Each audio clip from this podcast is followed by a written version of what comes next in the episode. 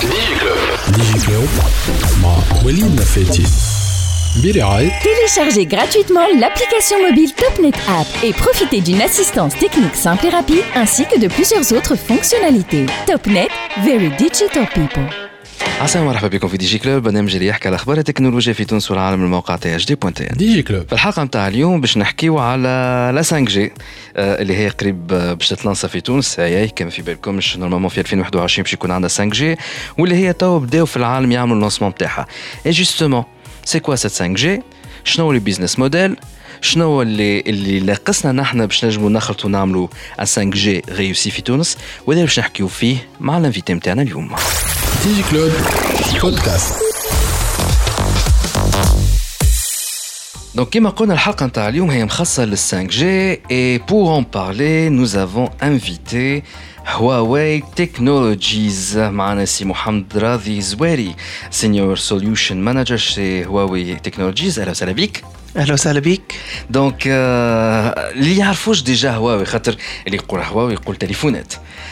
Et en fait, euh, Jeunesse Matarash, les Huawei, elle est présente sur plusieurs autres domaines, et notamment comme équipementier pour les réseaux télécoms. Donc, je n'ai qu'à présentation de la Huawei.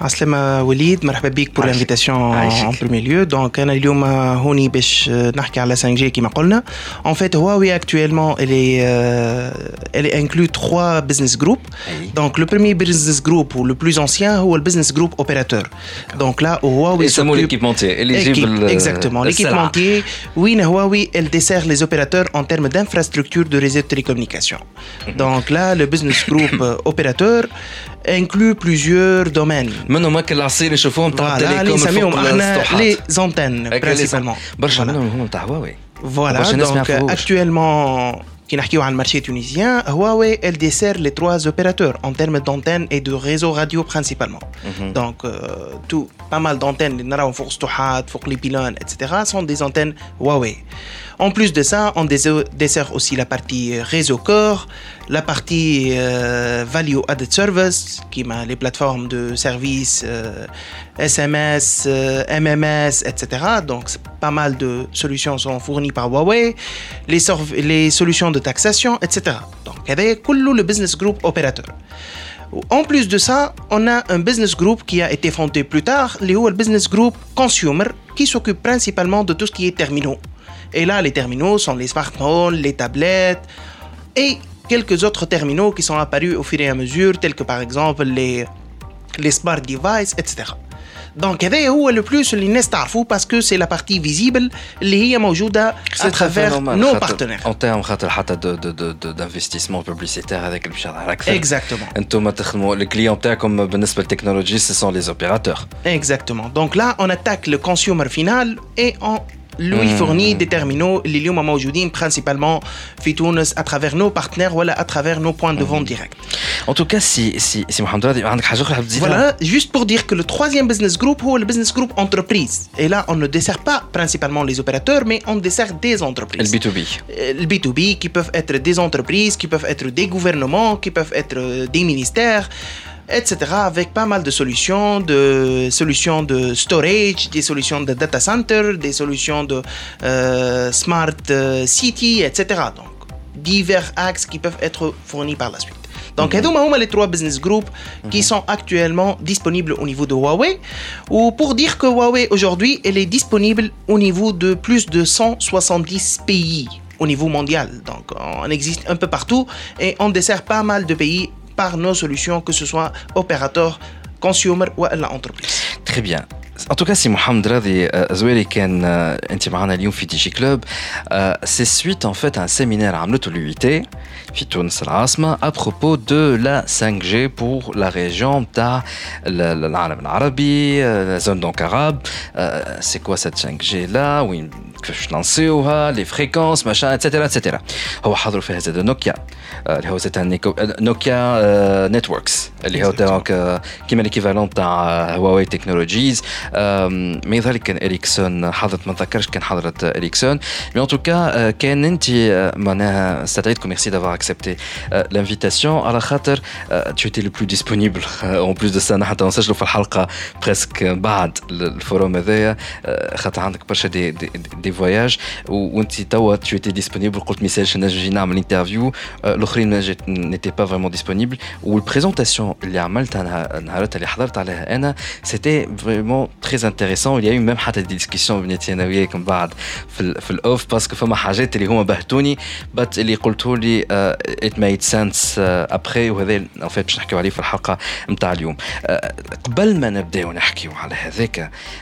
للي بوتيتر مازال ما يعرفش سي كوا لا 5G comment peut-on définir la 5G c'est un grand débit, il y, a, il, y a, il y a un ping très bas, ou il y a une définition autre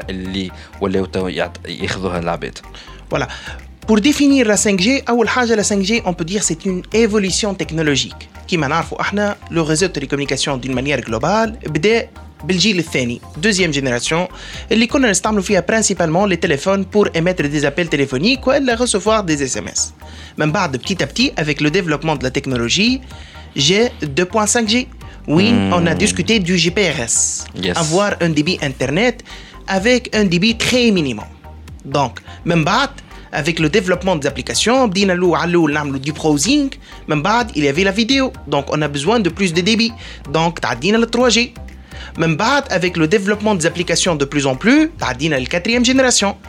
Donc là, l'LTE pour parler de la cinquième génération. Donc c'est une évolution technologique principalement caractérisée par rapport à la 4G par deux choses très très importantes. une capacité énorme en termes de débit, throughput. Donc, le throughput et là on parle de X Gbps par seconde. Donc on va parler d'une expérience utilisateur qui peut atteindre ou dépasse les 1 gigabit par seconde. Conditions laboratoires ou la condition réelle En conditions réelles. Bien évidemment, là, ça va dépendre par la suite de plusieurs contraintes. اللي هما أول حاجة الترمينال اللي باش يستعمل l'utilisateur. Smartphone ولا Exactement, CPE, smartphone, etc. Dépend du use case. فاش مش نستعملها la 5G Quel est le use case Donc la 5G, la définition تاعها خلينا نقول la plus basique c'est avoir X gigabits par seconde ou il y a un autre critère qui fait que on peut parler de 5G Exactement. Donc là, les critères, ils sont multiples. on va avoir un débit qui est amélioré. Mm lorsque vous allez avoir ce débit qui est amélioré, c'est qu'on va avoir une utilisation de ce débit-là. Cette utilisation peut être différente d'un cas à un autre. Donc là, on peut avoir parlé, qui m'a dit, la latence très réduite. Et nous avons des applications qui nécessitent une latence très très réduite. مثلا اذا كان مش نحكيو على des applications de sécurité des applications de سوق سوق الكهرباء à distance déjà remote surgery يعني c'était très intéressant السنة في برشلونة انه on a parlé principalement مثلا du remote surgery où il y a quelques fournisseurs et quelques opérateurs ont démontré un test d'une opération à distance où le, médecin est très loin du patient par des milliers de kilomètres et il télécommande un robot, un robot pour faire l'opération. Donc, on peut parler d'une latence qui, peut, qui doit être de l'ordre de millisecondes. Donc, le réseau actuel le satisfait.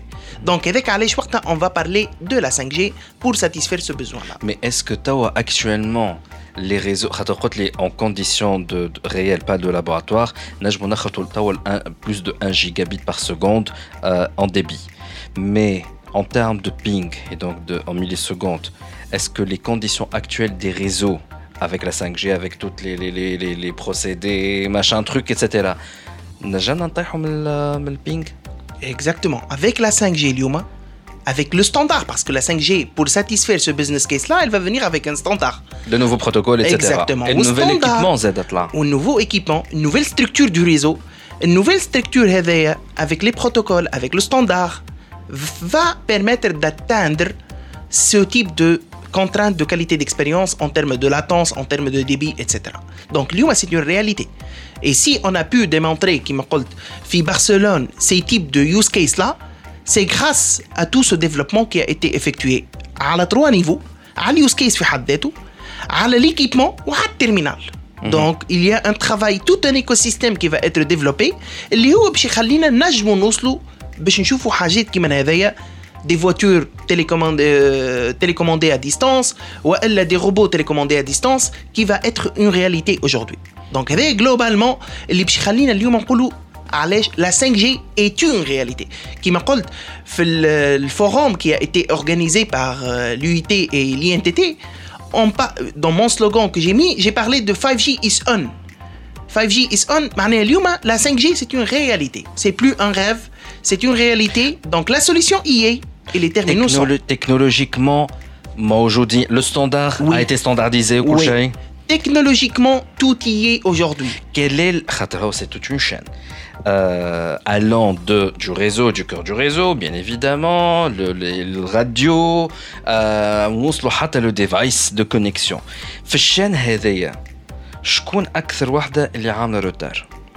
Peut-être la partie اللي جات في اخر المطاف هما on parlait de l'écosystème au niveau terminaux الترمينو علاش على خاطر اليوم كنشوفوا مثلا سي اونيكمون ان 2019 وين لقينا لي بروميي سمارت فون tous les fournisseurs tels que Huawei, etc., Xiaomi, etc., ont annoncé à Barcelone le lancement des smartphones 5G.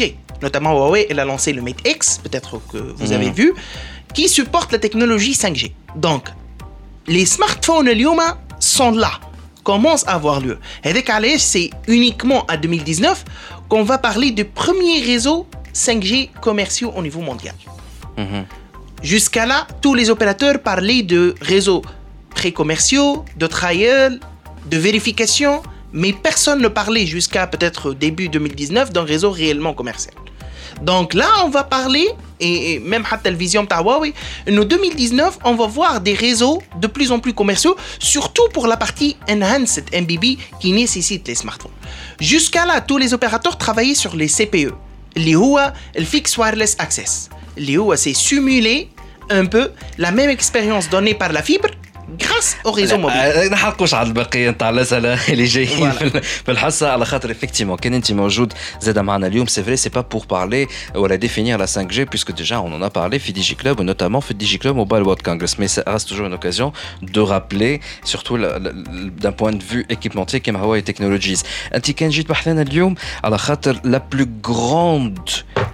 كيستيون بروبليماتيك أختار الكلمة اللي تحبوا عليها. من وقت موبايل وورد كونغرس الأخرين اللي كنت فيه. كال بزنس كيس موجودة التكنولوجي باهي توا تخي بيان سي جينيال الناس كلها تصفق وي. لكن من بعد كيفاش باش نربحوا هذايا لا كيستيون اللي هي لتوا مازالت متحيرة. اي Huawei Technologies, en tout cas du moins fait la présentation tech, a titre quelques débuts de réponse. On va en parler juste après la pause. DigiClub Podcast.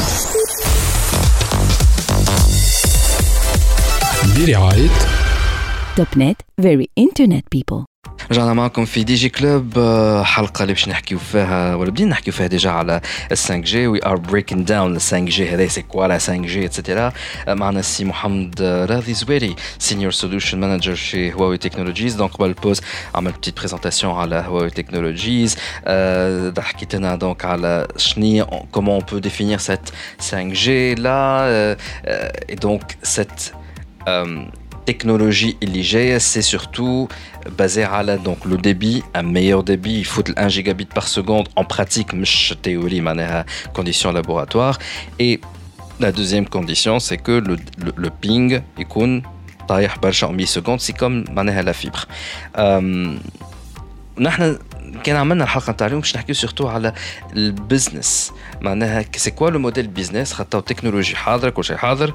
لي زوبيراتور حسناهم موبايل بوت كونغرس يقول لك باهي توا كيفاش نربح سي كوا لو بزنس موديل اي دونك سي سي بوركوا قلنا خلينا نحكيو على لي ديفيرون بزنس موديل بوسيبل سورتو اللي في 2021 باش يتلانسا على 5 جي إن شاء الله في تونس.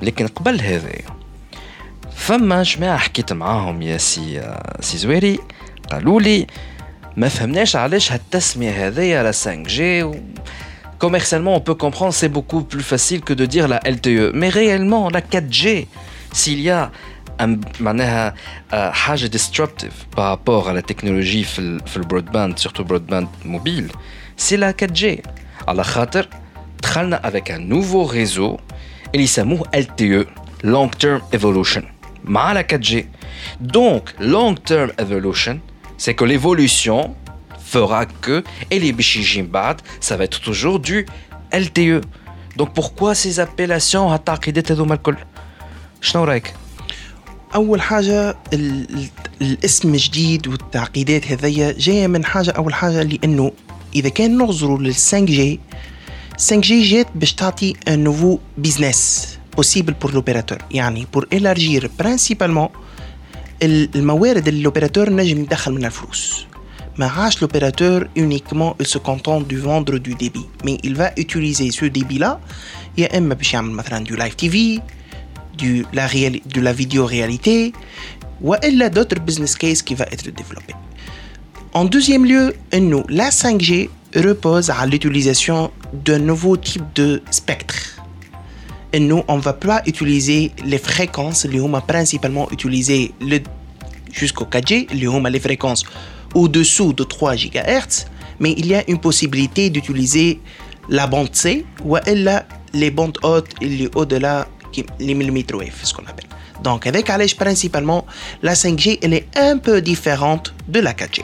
Donc c'est pas du LTE, c'est du LTE. سا بو اتر في واحد من لي بزنس كيس اون بو دي اون بو دير سي دو انهانسد ال تي ال فيان بور اميليوري هذاك علاش واحد من لي بزنس كيس اللي جات مع 5 جي اللي هو باش نعطيو دي انهانسد ام بي بي لا بوسيبيليتي دو دوني ا لابوني انه يكون عنده دي بي اميليوري بارابور للدي بي اللي يعطيه له ال 4 جي اليوم دونك هوني نجم نقولوا انه حسننا بارابور أو ال تي مي في دوتر بزنس كيس ال تي ما ينجمش il satisfait le business case en question كيما نحكيو مثلا اذا كان نحكيو اليوم على الريموت سيرجري لي اوبيراسيون ا ديستانس لو ريزو ال تي او ما ينجمش يعطيك لا بوسيبيليتي دو كوموندي ان روبو ا ديستانس خاطر يدخل فيها لا كونديسيون تاع البينغ اللي يكون ريدوي اكزاكتومون يدخل فيها لاتونس ريدوي اللي اليوم ال تي او ما ينجمش يعطيها لك دونك هذاك علاش وقتها principalement يلزمنا la 5G خاطر la 5G تعطيني de nouveaux type d'avantage avantage كبيره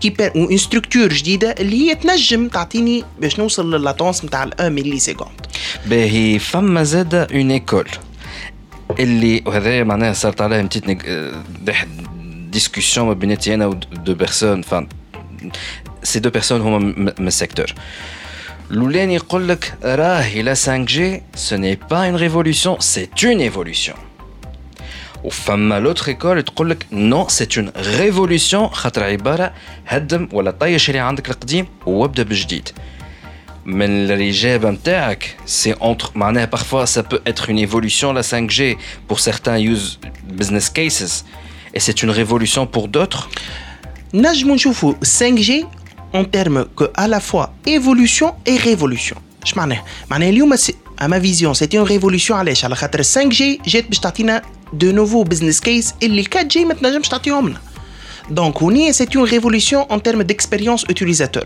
et en termes de business pour l'opérateur c'est une évolution علاش على خاطر تنجم تعطينا en termes en termes de consommateur final تعطيني la possibilité d'avoir un débit amélioré par rapport à ce que me donne aujourd'hui la 4G بقات la question qui se pose اوكي انا اليوم تعطيني في 20 ميجا غدوه باش تعطيني 1 giga ou 300 mégas ou 400 mégas en termes de débit.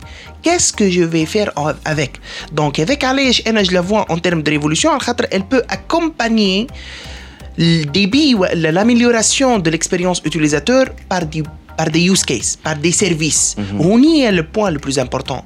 Le point le plus important qui m'a dit, c'est comment on va utiliser la 5G. Comment valoriser ah, 5G. Un des, des, use, des use cases, c'est que ça peut... It's a little bit tricky.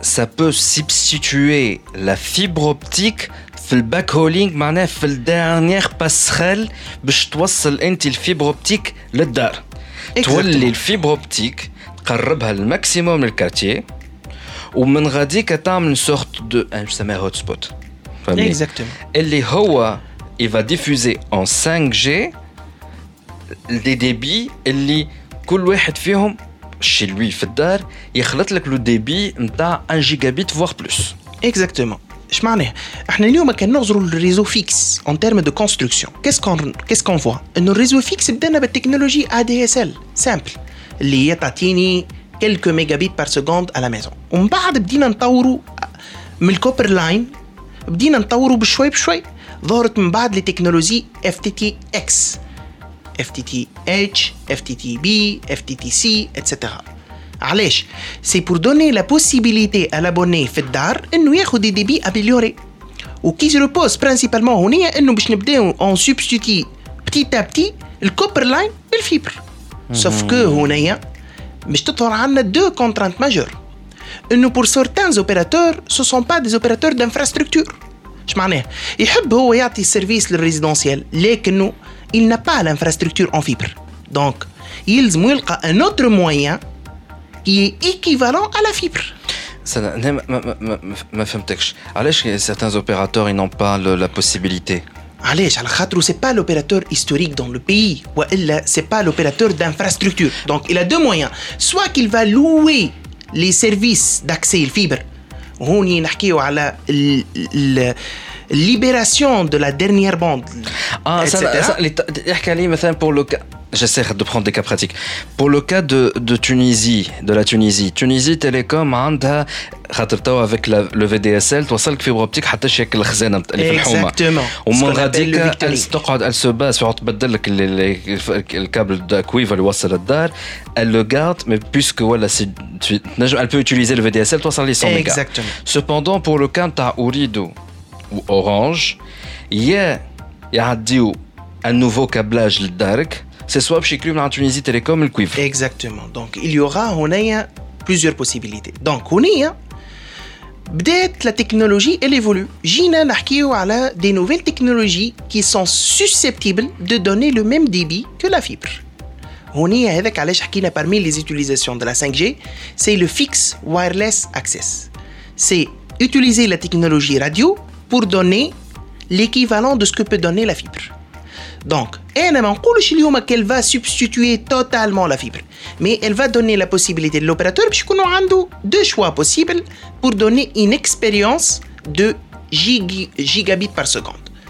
Soit qu'il va aller en fibre, soit qu'il va aller en utilisant la 5 soit de la fibre de bout en bout soit, soit qu'il va utiliser voilà, il va utiliser la technologie FWA à travers le réseau 5G la technologie chassement Fixed Wireless Access. Très bien. Et c'est des protocoles différents. Voilà, c'est utiliser la 5G avec des CPE, يعني يستعمل 5G ou l'abonné qu'on a un CPE, l'équivalent du modem qu'on a utilisé, mais spécifique, c'est un CPE spécifique اللي بيكون عنده في الدار باش يخليه il se connecte à ce réseau-là où il a le réseau في الدار.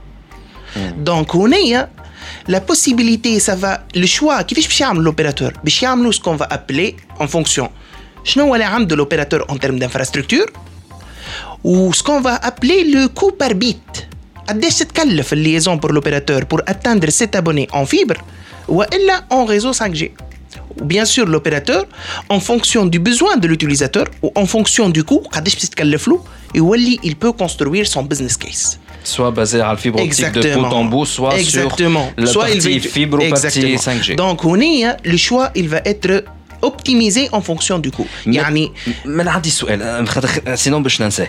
Dans ce cas-là, ça قلت لي انت avec cette technologie là avec la 5G en bout de chaîne en backholding, c'est une nouvelle technologie, nouveau protocole, blablabla. Bla bla bla D'accord Ben, euh, dans ce cas-là, euh, puisque la, la 5G fait le parti radio, ça, rappelle, j'avance, fait le parti radio, ce qui est utilisé jusqu'à la 4G, il y le 3.1 fait 3 giga.1 C'est au-dessous de 3 gigas. Au-dessous de, de, 3 gigas.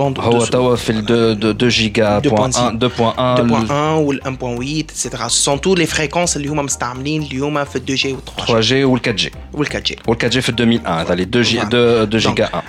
اما في الكد في 5 جي في 5 جي عندنا نجموش نستعملوهم هذوما بور لا 5 جي نجمو عندنا 3 possibilités tout dépend de ce que tu vas faire est-ce que tu vas معناها avoir une couche universelle donc là, la bande jusqu'à l'instant qui est utilisée la plus pour faire la couverture, large couverture, il y a la bande C.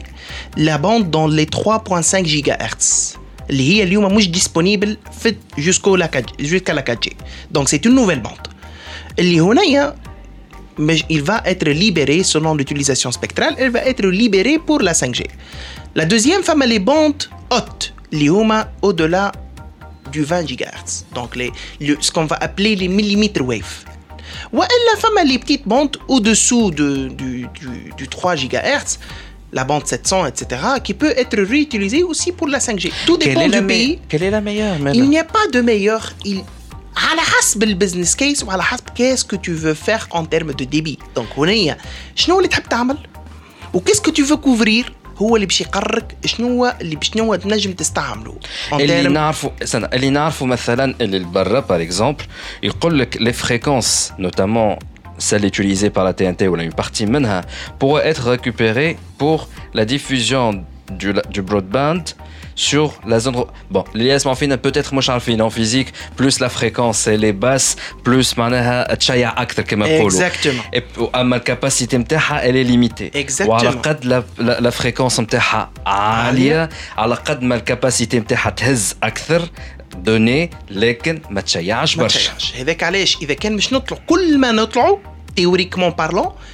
باش نولي باش نعمل كوفرتور يلزمني اكثر نومبر دو سيت دونك اللي يقول لك في الزون نتاع تي ان تي اللي هي 700 ميجا و 400 ميجا هرتز اتسيتيرا هذوك يستعملوهم للزون رورال خاطر فما كعبتين كعبه في تشر بعاد ما يلزمهمش برشا وتوصل لهم 400 سكون ابل كوفرتور Est-ce que l'utilisation elle est optimale 5G في les fréquences basses هذوما tout dépend qui tout dépend de tu vas utiliser pour faire quoi qu'est-ce que tu voilà qu'est-ce que tu veux faire est-ce que اليوم انت كي كي بتجي تعمل مثلا du enhanced MBB pour quelque pour un use case spécifique donc tu peux généralement pour avoir cette expérience là avec le nombre d'utilisateurs que peut y avoir باش نمشيو للبوند سي c'est la bande optimale علاش خاطر il faut regarder اذا كان مش نمشي للباس قداش le nombre de sites que je vais utiliser donc شي يلزمني pour faire la couverture donc c'est un c'est une bande optimale qui va être utilisée pour optimiser le coût, la couverture du réseau et donner l'expérience utilisateur اللي انت تحب عليها.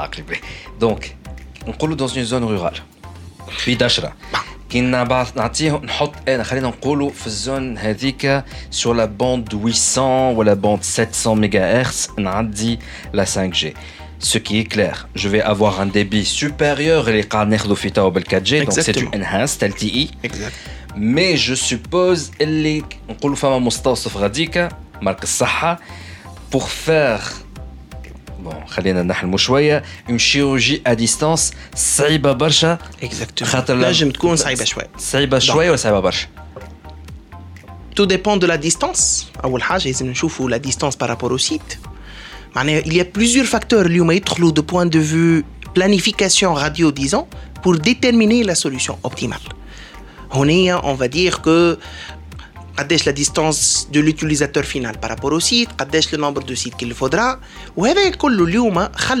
Si on regarde dans le niveau mondial plus que 80% des utilisateurs ils sont en train de mettre en place la 5G sont en train d'utiliser la bande C disons 3 GHz 3.5 GHz est la bande optimale d'utilisation et de déploiement de la 5G.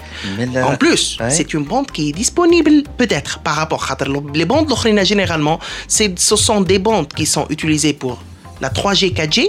Donc, il pour la 5G, il faut la libérer et la réutiliser. le système Dans ce cas-là, 3.5 à zone rurale, je peux comprendre. Denis Msaïba, donc, تقوي ممكن كعبتين كعبة encore des des des antennes. أما في حاجة أخرى نجم نقولوا إنه réellement au début surtout on va pas parler principalement de la 5G mais principalement les zones rurales on va parler principalement peut-être des zones urbaines, denses urbaines. Mais tout dépend du use case. Dis maintenant, use case, tu vas faire quoi Maintenant, à Tunis, par exemple, un service universel, je vais subventionner, dans le cas de service universel, la ça à distance, on peut, on peut, on peut, on peut, les fonds d'éthique va fournir.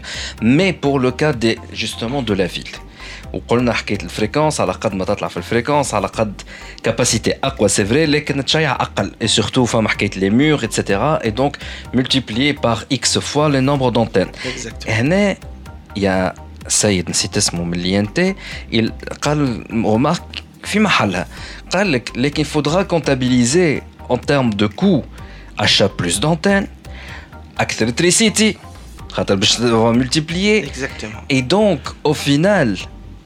le coût va être beaucoup plus cher.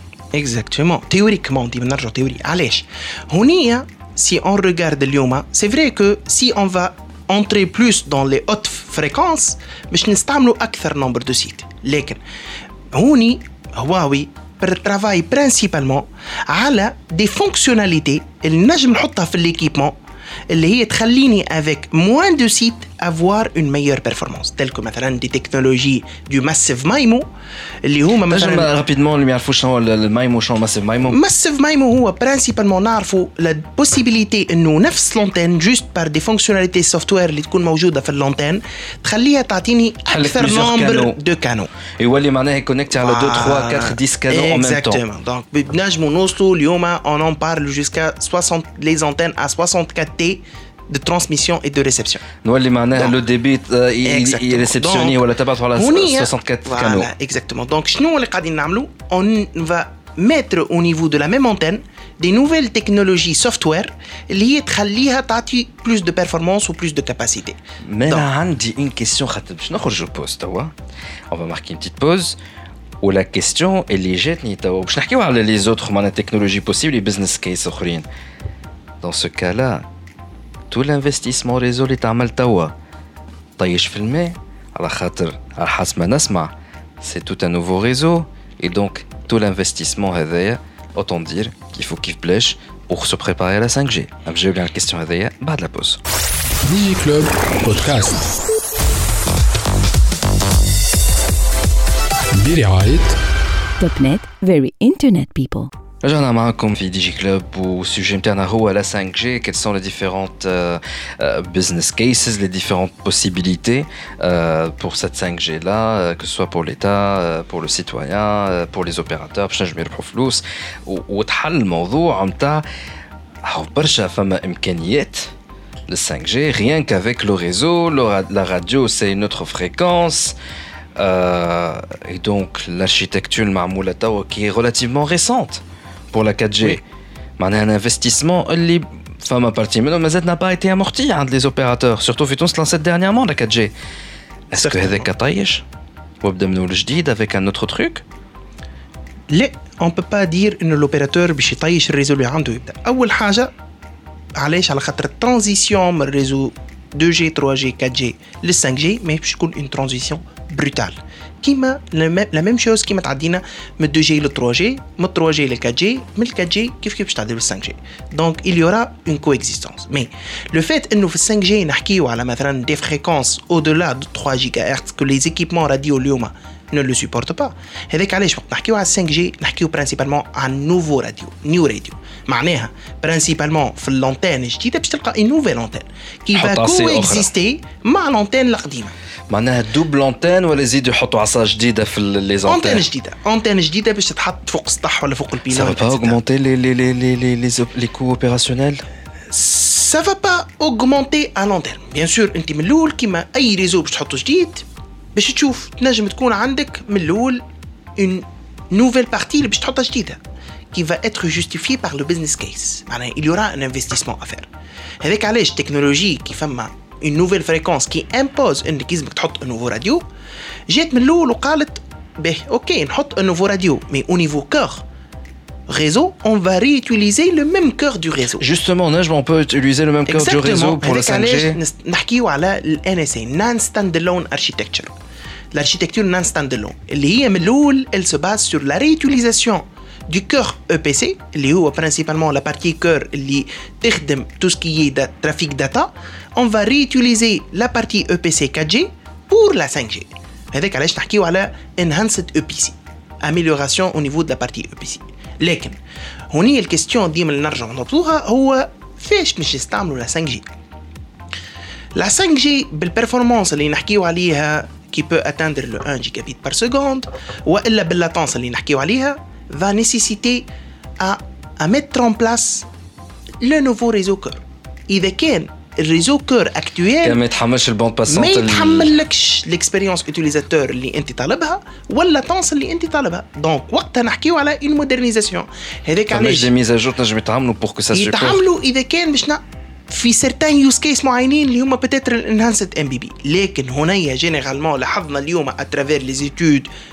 des différents fournisseurs ou opérateurs qui ont été faits, nous la 5G elle est reliée automatiquement les clouds. يلزم الريزو يكون اون كلاود علاش على خاطر لي بلاتفورم تراديسيونيل اكتويل اليوم ما يخليوكش توصل للاكسبيريونس اوتيليزاتور اللي انت تحب عليها دونك اون كلاود معناها لي سيرفور باش يكونوا ابرجي عند l'équipementier نفسه لا le réseau de l'opérateur باش يولي c'est un réseau qui tourne على des serveurs IT ما عادش علاش على خاطر لي سيرفور اي تي ils sont facilement programmables et etc. تنجم تطلع الكاباسيتي تو اجوت دي سيرفور وتطلع الكاباسيتي لا جي كومبري دونك هذايا هو هذايا علاش احنا نقولوا انه ليتاب لا بلوز امبورتونت اليوم افيك لي زوبيراتور اللي احنا نخدموا عليها هو كومونسي ا فير ايفولوي لي ريزو دو لوبيراتور du traditionnel vers le cloud. L'opérateur a le temps pour évoluer le réseau progressivement. Chouette, chouette. La question est son propre réseau, man son propre cloud pour le réseau ou elle yamel un partenariat avec un autre opérateur, voire plusieurs opérateurs pour avoir un grand méga, supra méga data center باش يكون هو يجري le cloud معناتها على différents réseaux. هوني وقت اللي نحكيو في السي تي كلاود في كلاود اوبيراتور جينيرالمون الاوبيراتور باش يكون عنده الكلاود نتاعو هو. هو تيوريكمون. هذا هو اليوم لا توندونس وهذا néanmoins la technologie elle peut évoluer وتنجم entre temps تصير حاجات أخرى. اليوم جينيرالمون وقت اللي نحكيو على البابليك كلاود اللي هي ميجا كلاود جينيرالمون مربوطة بالليزابليكاسيون الفاس لي سيرفيس دونك وقتها يكون عندي مثلا un méga cloud que je construis ou qui est construite, les opérateurs ils le méga cloud avec ou des services qui vont commercialiser l'utilisateur final. Mais il y a qu'un argent en cours pour tout ce qui est télécom, généralement l'opérateur عنده son data center عنده وهذا اليوم اللي احنا قاعدين نخدموا عليه avec les opérateurs au niveau de notre région. Mais est-ce que dans le monde il y a cet endroit le cloud c'est que partage donc on peut partager aussi l'infrastructure. Exactement. sur le cloud. Exactement. Est-ce que on va voir bientôt le cas Orange, vu que Orange Tunisie, le groupe Orange Worldwide. Mhm. Toile les Saat, le groupe Orange, comme ça peut être le cas pour Olido, c'est un groupe international. Ou Tunisie Télécom, Abid Mattel ou Gomalta par ailleurs. Ils ont une sorte, ils concluent qu'ils sont entre guillemets data center centralisé et ils font le traitement à le cloud euh, de, leur, de leur réseau 5G. Najmi mm. confie un contexte applicatif. Tout dépend de quelle partie du réseau. Mais gestion le réseau, nafs non. Exactement. Généralement. ندخلوا في proximité géographique proximité باش تنجم تعطي l'expérience utilisateur ندخلوا aussi في protection des données انه مثلا la loi d'un pays par exemple exige que les données utilisateurs يكونوا في البيي نفسه ما يخرجوش au-delà du pays etc. Donc on a فما plusieurs facteurs يخليو انه جينيرالمون فما بارتي تنجم تكون بارتاجي اللي هي مربوطه اكثر بالبارتي ابليكاتيف وفما جينيرالمون دي بارتي اللي هما باش يكونوا لوكاليزي عند لوبيراتور في البروبر كلاود نتاعو. Pour des questions juridiques ou pour des questions technologiques genre pour le ping. Technique, juridique. Technique. etc. Donc فما plusieurs facteurs يدخلوا هنا يخليو انه جينيرالمون اليوم les types d'infrastructures opérateurs يكونوا localisés par opérateur. Mais néanmoins, techniquement, كان مثلا ايماجينو ايماجينو اللي انت تقول لك pour les trois opérateurs هنا est-ce que c'est possible je pose la question puisque je... اليوم on assiste مثلا نجموا نحكيو على الران شيرينج البارتاج دو لا راديو هذاك ديجا mais généralement jusqu'à l'instant on ne parle pas de partie radio sauf pour le cas de MVNO les opérateurs virtuels voilà. اللي يجي pour installer pour s'installer مثلا sur le réseau Tunis Télécom qui est موجود اليوم والا sur un autre opérateur il peut s'installer réutiliser son cœur de réseau pour commercialiser mm -hmm. ses services vers les clients de l'opérateur. Mais c'est possible en tout cas avec cette 5G là.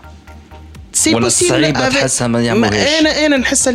Mais possible trop, mais bah, techniquement tout peut évoluer. C'est la même législation du pays. Euh, Exactement, mais bon, je le vois pas trop sur la partie cœur, je le vois plus peut-être sur la radio, la partie radio, mais la partie cœur, je vois pas. Je vois que chaque opérateur, puisqu'on a son propre réseau cœur installé.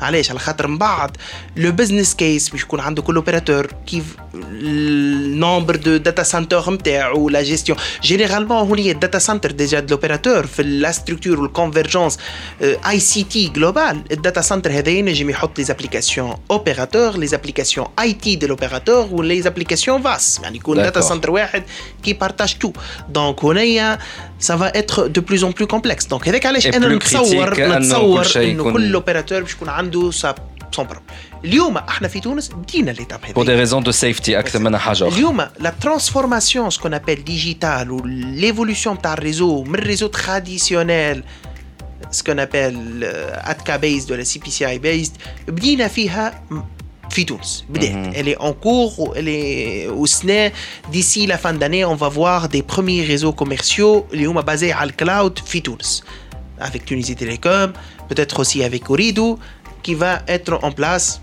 que ce soit ma Huawei ou ma d'autres On peut dire pour préparer donc l'entrée de la 5G. Donc c'est une évolution progressive. Avec علاش انا ديما quand je parle que ce soit les workshops avec les différents opérateurs, je parle de rendre l'évolution vers la 5G flexible et facile. قلتها كلمة évolution flexible et facile. Exactement. Très bien. هنا فما شكون يقول لك نحن جايين هاجين على 5G. دونك سكر عليه لا 2G. وديجا هذا اللي قاعدين نحكيو فيه في وسط بعض السيمينار سي كو قلت باش يجي وقت باش يتسكر الدو جي وانا قلت كومون على خاطر نورمالمون اللي نعرفوا انا اي سي لا لوجيك دي شوز تخلي لا دو جي كوم باك اب دون لو كا او عندك جماعه ما ينجموش ياخذوا سمارت فون يقعد لك حاجه بازيك دو مش دو فالور دو سور اللي هي باش تخدم اكزاكتومون او بلوتو تسكر لا 3 جي دونك فما شكون اللي هو يقول لك سكر عليه لا 3 جي أول حاجة توا اون اورجونس سكر عليه لا 3 جي فما شكون قلت لي أنت في أمريكا ديجا بداو يسكروا لا 2 جي في النوفيل زيلاند لا 2 جي في كوريا. في الكوري كيف كيف؟ هوني. dit nous avec l'évolution technologique, l'opérateur en 2G, 3G, 4G, 5G, l'opérateur n'a jamais, il continue à investir dans toutes les technologies. Et dès qu'allez, مثلا même حتى sans la 5G في تونس, avec la 4G, je نحكيو avec les opérateurs.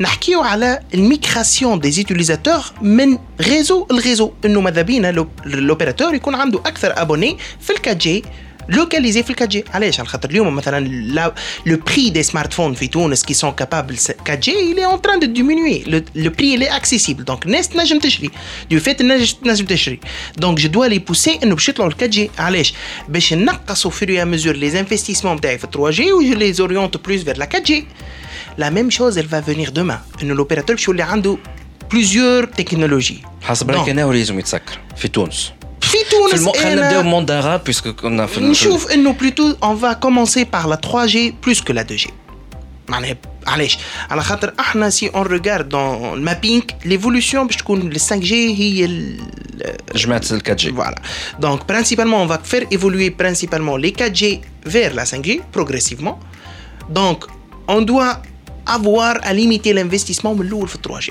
من بعد يجي 2 G Mais maintenant, d'une manière globale, le réseau cible de l'opérateur redoit, dans X temps, un nombre d'années bien défini, mais je connais de l'opérateur uniquement la 4G et la 5G.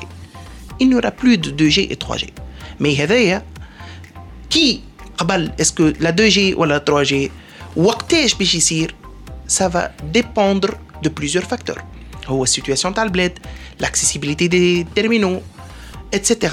Donc petit à petit, انه لوبيراتور باش يلقى روحو ينقص في الانفستيسمون في لي تكنولوجي 2 جي 3 جي ويكثر في لي انفستيسمون دو لا 5 جي il maintient un peu le réseau de 4 جي كيما نشوفوا مثلا في تونس على الاول 4 جي ما كانش في كل بلاصه توا لا 4 جي اني اون تران دو سيلارجير بور كوفرير تو لو بيي دونك هذاك علاش تي تابتي وقت اللي تولي لا كوفرتور اللي جلوبال يولي لو سمارت فون اللي اكسيسيبل النومبر دابوني باش يطلع كي يطلع النومبر دابوني او نيفو 4 جي il va impérativement diminuer au niveau de G et 3G. بروغريسيفمون حسب الاكسبيريونس نتاعك انت توا في تونس اسكو ينجموا غدوه les opérateurs quand on parle غدوه ça veut pas dire demain demain voilà الشهر الجاي mais on parle en 2020 يصير ان شات داون تاع 3 جي لا ما نتصورش وما هوش بوسيبل علاش اذا كان اليوم احنا في لي مارشي اللي بداو ديجا لا 4 جي دوبوي بليزيور اني il mettre en place il met en place un planning 2020 2021 معناها فما اللايف سايكل لا بيريود entre le lancement de la 4G ou la planification du shutdown des technologies 2G 3G فما au moins une dizaine d'années اللي هو بور كيما نقولوا يولي الريزو 4 جي نتاعك سي ان ريزو كي ماتور الكوفرتور اللي يونيفرسال ولي تيرمينو ils sont accessibles سوم نو اون روتار بارابور سو بلانينغ هذا لا مش اون روتار علاش على خاطر كيما نشوفوا احنا وقت اللي مثلا لو لونسمون دو لا 4 جي في تونس سي با لو لونسمون دو لا 4 جي في لي زيتازوني ولا في الكوري سي كلار دونك ديما احنا اوني ان فولوور او نيفو تكنولوجي دونك هذاك علاش الوقت هذاك باش ناخذوه مي اسكو سا فا اتر plus cher, ça va coûter plus cher. À la قد ما نوخروا باش ما نعمل معناها سي اون في با ان بلانينغ دي مانون دونك نقولوا في 2030 نعملوا شت داون تاع لا 3 جي سا فا نو كوتي اكثر بلو شير سي اون فا نوخروا اكثر لا تو ديبون علاش على خاطر كل تكنولوجي باش تاخذ اللايف سايكل لامورتيسمون تاعها اللي باش يوقع بروغريسيفمون هو انه لوبيراتور باش ينقص في لي انفستيسمون في 2 جي و 3 جي اون تيرم ريزو وباش يكثر في الس... في 4 جي دونك كل مره يزيد وينقص دونك il va rééquilibrer l'investissement نتاعو اون تيرم كونستركسيون حتى شي تموت وحدها وحدها حتى وحدها التكنولوجي تبدا تنقص وهذا مربوط باش التكنولوجي تنقص بلوتو لوتيليزاسيون مع النومبر دو كليون كي تيليز لا 2 جي ولا لا 3 جي اكزاكتومون هذاك علاش هو كي نغزروا في تونس تقول والله كي تشوف لي رابور نتاع لي ان تي اللي يخرجوا اون تيرم دابوني تشوف انه النومبر دابوني في تونس جلوبال سور لو مارشي مش قاعد يتزاد لكن شنو اللي قاعد يصير انه دو بلوز اون بلو اون ا دي ابوني 4 جي والابوني 3 جي و 2 جي قاعد ينقص بروغريسيفمون دونك il y aura un rééquilibrage du nombre d'abonnés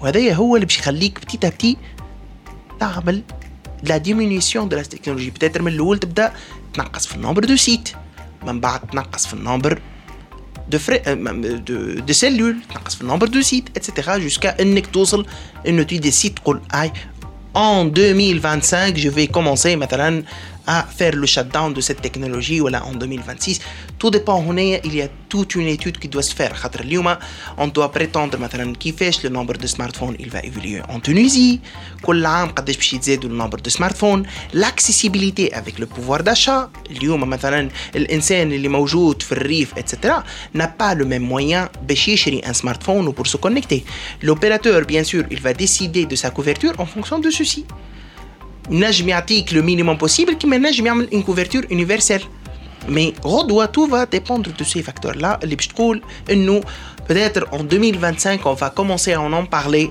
du shutdown d'une technologie في تونس mais ça va venir selon plusieurs facteurs. Très bien, on va marquer une petite pause et on revient pour la toute dernière partie de DigiClub. DigiClub Podcast. برعاية توب نت فيري انترنت بيبل جانا للاخر بارتي من دي جي كلوب اللي هي مخصصه دونك ل 5 جي معنا سي محمد راضي زويري سينيور سوليوشن مانجر شي هواوي تكنولوجيز دونك قبل البوز حكينا على الاركيتكتور اللي سي نوفيل اركيتكتور نوفو ريزو اتسيتيرا شكون اللي يمشي الاولاني في الشت داون يا 2 جي يا 3 جي اي دونك هذا كله سي بيان مي كيل سون لي تشالنج باهي وقت اللي نحكيو وليد برينسيبالمون على تشالنج هونيا باش نحكيو اول تشالنج لو بلوز امبورطون هو الكوتي قانوني ليجيسلاتيف دونك هنايا انه الدوله يلزمها توفر le cadre législatif nécessaire pour le lancement de la 5G, notamment en termes de spectre. et elle doit préparer. 5 n'est pas Exactement. Elle peut être ne pas disponible. Donc, il faut revoir le plan spectral ou libérer les spectres nécessaires, le spectre nécessaire pour la 5G. Donc, c'est un travail ou un point de focus sur lequel le gouvernement elle doit travailler. Deuxièmement, il va, la 5G elle va être utilisée pour des use cases, notamment par exemple l'Internet des objets, l'IoT. On y a l'IoT qui est avec le traitement de l'IoT. Certainement, il doit y avoir un cadre législatif qui accompagne ceci aussi donc la protection des données, etc. etc., etc. Donc يلزم زاده تتوفر le cadre législatif qui l'accompagne. Donc بالنسبة لي أول challenge le plus important هو la préparation du cadre législatif fréquentiel, etc. pour le lancement de la 5G. Le deuxième challenge qui est important aussi, c'est OK, la 5G, elle est formidable. Elle est très bonne. Elle est bénéfique. Mais, je peux نعمل بيها les use case. Lyoum, c'est vrai que là, on a démontré, Huawei et tout le monde, il a démontré à Barcelone pas mal de use cases. Mais Tawa, c'est le moment où les opérateurs à travers le monde, ils essaient de vérifier le bénéfice qu'ils peuvent tirer à travers ces use cases-là. Les voitures euh, connectées, ou la remote surgery, ou la, la, vidéo-réalité, etc. Comment on peut mettre en place un business plan qui est bénéfique pour l'opérateur pour la mise en place de ces use cases-là? Donc, c'est le challenge qui est aussi important de point de vue 5G. Euh, On est, hein, bien évidemment, Huawei, en tant qu'intervenant dans l'écosystème global, elle travaille avec les opérateurs sur deux aspects. هو l'aspect technique et la vérification technique, mais aussi sur l'aspect business case. On, utilise, on analyse le marché, hein, les, le besoin du marché, quel use case il peut y aller, on vérifie des use cases, on essaie de voir et mettre en place le bénéfice que l'opérateur il peut mettre. Mais, dans ce cas-là, le case, euh, business case, ta voiture connectée, la santé à distance, etc. Il y a le volet législatif encore, tu as هي يظل في أمريكا مازال يتعاركوا عليها نتاع لا فواتور أوتونوم. اكزاكتومون هي جزائيا تكون المسؤول وقتها تكون طبيب ماشان تروك وزيد يدخل عليها لا تيليميديسين اكزاكتومون اكزاكتومون هذاك علاش نحكيو على الكادر ليجيسلاتيف مي اوسي لو كادر تكنيك دونك il y a des challenges côté technique côté écosystème côté accessibilité des terminaux. اليوم أي تكنولوجي تنجم تكون حلوة لكن إذا كان الترمينال coûte cher c'est pas abordable côté utilisateur. Donc il y a un freinage de développement de cette technologie là ou donc on est aussi à l'accessibilité des terminaux 5G c'est le même phénomène qui a été observé au niveau du lancement de la 4G je suis pas vraiment d'accord euh, si Mohamed al euh, oui, d'un point de vue technologique, euh, base qui m'a les smartphones 3G بعد مده رخصوا 4G كيف كيف je suppose 5G مش باش باش يتيحوا يظهر لي انا le plus grand challenge حسب اللي سمعته توا et là ça me rend encore plus pessimiste par rapport à cette 5G là sachant généralement je suis pas pessimiste mais lorsque دخل فيها le volet législatif et avec des des des des, des politiciens les home généralement sont déconnectés de la technologie et là c'est plus que jamais ces politiciens là لازم يدخلوا على الخط في التكنولوجيا لا télémédecine c'est que باش تولي فيها مشاكل نتاع مسؤوليه كذا وشكون وتسترا الاي أو تي مسؤوليه جزائيه خديمه وقت الليجيسلاتيف يقول لك مسؤوليه جزائيه اول حاجة يخموا فيها سيبر سيكوريتي برا عاود ريفورمي لانسي معناها